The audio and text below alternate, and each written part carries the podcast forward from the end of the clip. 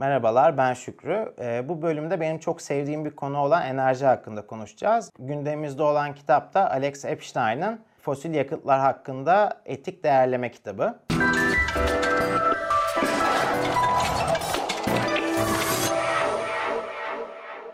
Günümüzde fosil yakıtların aşırı kullanımı çok eleştiriliyor. Dünyayı ısıttı, gelecekte e, insanların yaşayamayacağı bir ortam yaptığı söyleniyor.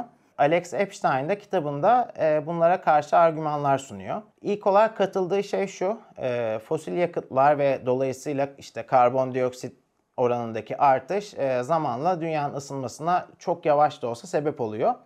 Ama bu çoğu zaman anlatıldığı gibi katastrofik ve hani hepimizin sonunu getirecek seviyede olmadığını söylüyor. Fosil yakıtları savunduğu birkaç tane dal var kitapta. E, bir tanesi fosil yakıtlar olmasa bir kere ölmüştü ciddi bir nüfus, nüfusun ciddi bir kısmı.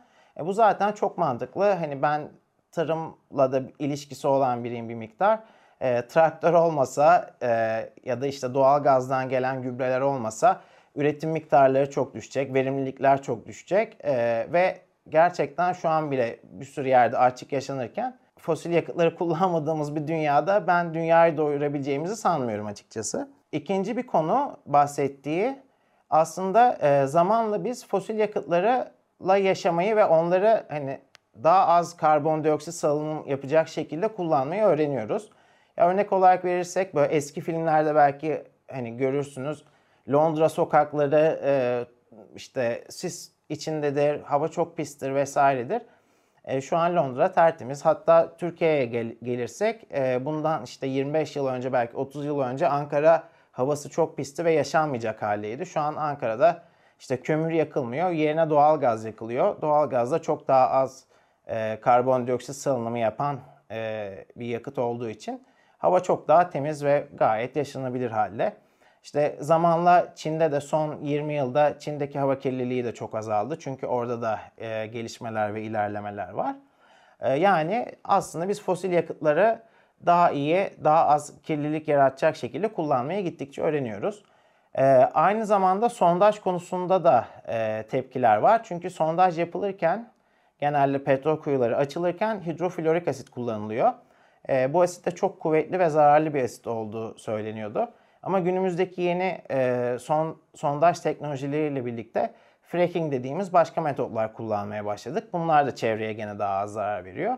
Yani e, fosil yakıtlar hayatımızda olduğu sürece biz bunları daha verimli ve daha uygun şekilde kullanmayı öğreneceğiz. Mesela e, filtre kullanmak bile e, hava kirliliğini çok azaltıyor ve çıkan gaz, gazın kalitesini çok iyileştiriyor. E, 2019 yılında Türkiye'de 15 tane termik santralle ilgili çıkan bir karar vardı. 2,5 yıl boyunca filtre değiştirmek e, veya yenilemek zorunda değillerdi. E, bu bence çok üzücü bir karardı. Çünkü çok kolay bir şekilde egale edebileceğimiz bir hava kirliliğine biz e, izin verir hale gelmiştik. Hatta bir haber kanalı da haberinde şöyle bahsediyordu bu olaydan. E işte filtreler değişirse santraller 10-12 günlük aralara giriyor.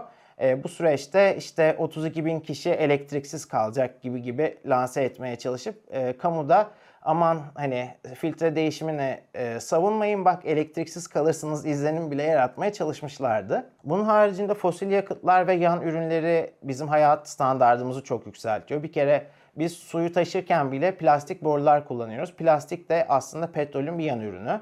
E, onun haricinde pis suları arıtmak için yine fosil yakıtlar kullanıyoruz.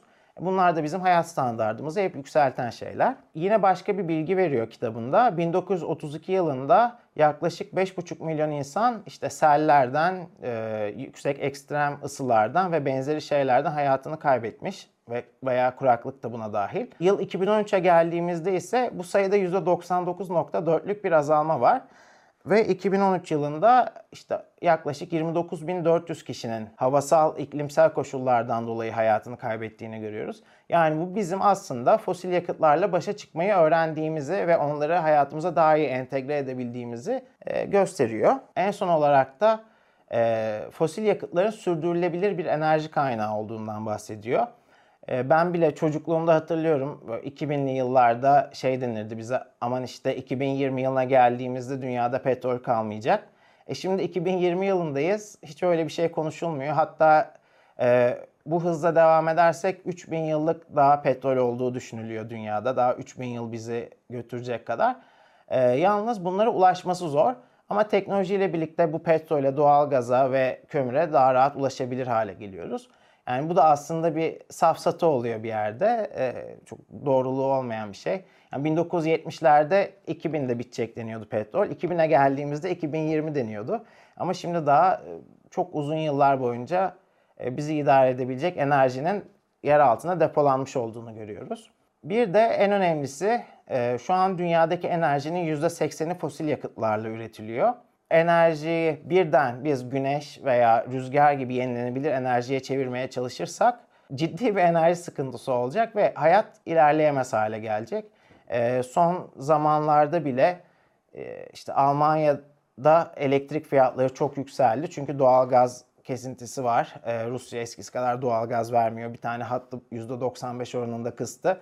%5'lik diliminde büyük ihtimalle hatta donma olmasın diye e, tutuyor. Almanya net zero akımına yani sıfır karbon salınımı akımı için e, uğraş veren bir ülke. Bunun için de son zamanlarda işte rüzgar ve güneş enerjisi üretimini çok arttırdı.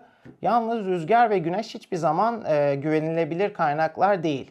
Yani rüzgarın ne zaman olup ne zaman olmayacağını önceden tam olarak kestiremiyorsun. Nitekim güneş de öyle. Her zaman bir baz elektriğe ihtiyacın var ve bu baz elektriği de en iyi sağlayabileceğin şey fosil yakıtlar. Çünkü sen ne kadar yakarsan o kadar enerji üreteceğini biliyorsun.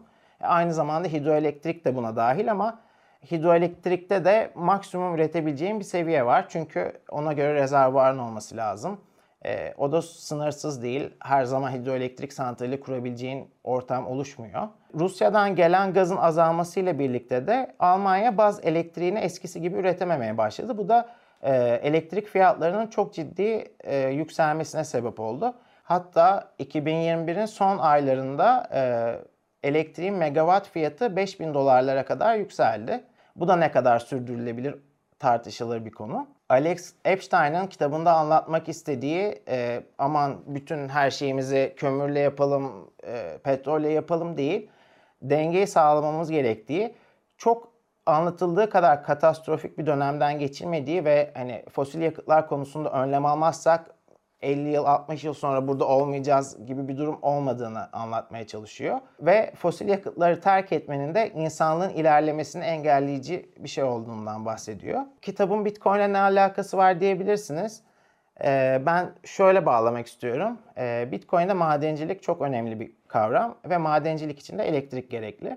Bitcoin'in elektrik tüketimini çok eleştiren e, kesimler oluyor. İşte bunlardan biri Elon Musk'tı son zamanlarda. Ben dedi Bitcoin madenciliği de kullanılan elektriğin %50'sinden fazlası yenilenebilir enerji olmadığı sürece e, Tesla satışını gerçekleştirmeyeceğim Bitcoin'e dedi. E, şu an %57'nin üzerinde olduğu gözüküyor ama Elon Musk hala e, dediği şeyi yapmadı. E, Bitcoin'in bir yanlış eleştirilerinden biri de saniyede 6-7 işleme izin veren bir sistem e, ve işte işlem başına düşen elektrik kullanımının çok yüksek olduğu.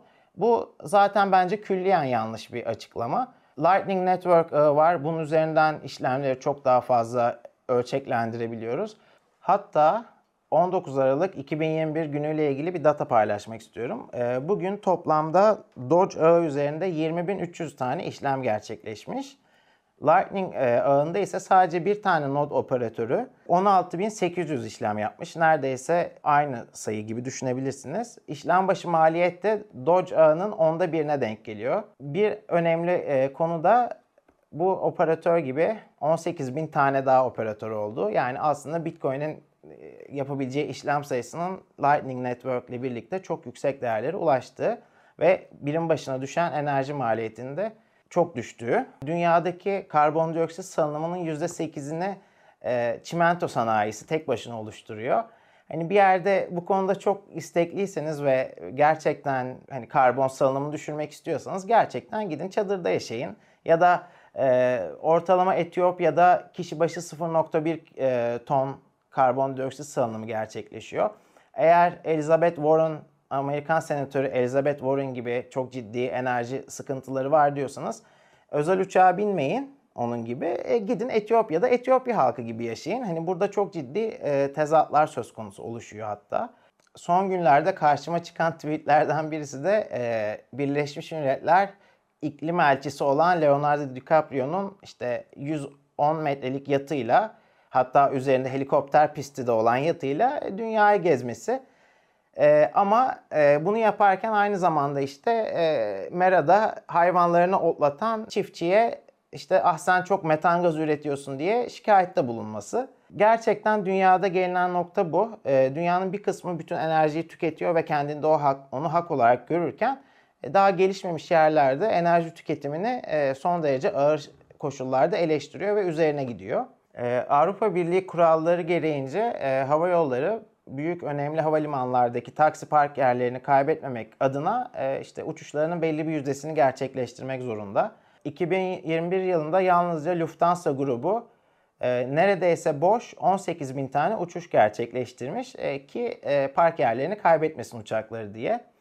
E, hani böyle bir dünyada yaşıyoruz ve e, enerji konusunda hala e, işte çok acil önlemler almamız gerektiği söyleniyor. Çevre konusunda hani sesi çok yüksek çıkan zengin toplulukların aynı hassasiyetini göstermesini beklediğimiz bir dönemden geçiyoruz aslında. Ee, ve bir yerde medeniyetin gelişmesi için de enerjiye ihtiyacımız var. Fosil yakıtları bugün e, çok hızlı bir şekilde kesmeye çalıştırırsak o zaman katastrofik şeyler olacağını düşüncesindeyim ben de. E, en basitinden bir örnek vermek gerekirse bundan işte binlerce yıl önce Neandertaller günlük 4500-5000 kaloriyle besleniyordu. Çünkü her işi kendileri yapıyordu. E, şu an biz 2000 kalori çoğumuz için çok bile e, ihtiyacımız yok o kadar. Çünkü bir sürü işi e, alet, edevat veya başka şeyler kullanarak yapıyoruz. Bu da aslında bizim enerjimizi delege ettiğimiz anlamına geliyor. Enerji konusunda çok hassas olan bu ülkelerin gerçekten samimilerse e, Etiyopya, Uganda, Somali gibi e, oranın halkları gibi yaşamayı göze almaları lazım. Enerji kullanımımızı o kadar düşürmek istiyorsak e, bizim karşımıza çıkacak hayat biçimi de o. Yani bir yerde bu biraz şey gibi geliyor bana. E, hani Brad Pitt'in böyle işte doğaya şampuan vesaire karışmasın diye duş almayıp e, bahçeli birkaç tane evinin olması ve o çimlerini sürekli sulaması gibi geliyor. E, gerçekten hassasiyet gösterilmesi gerekiyorsa hassasiyet gösterilsin. E, yoksa da hani başka ülkelerin gelişimini engelleyici e, hareketlerde bulunmaması bence en ideali olur. E, bu bölümün de sonuna geldik. Sonraki bölümlerde görüşmek üzere.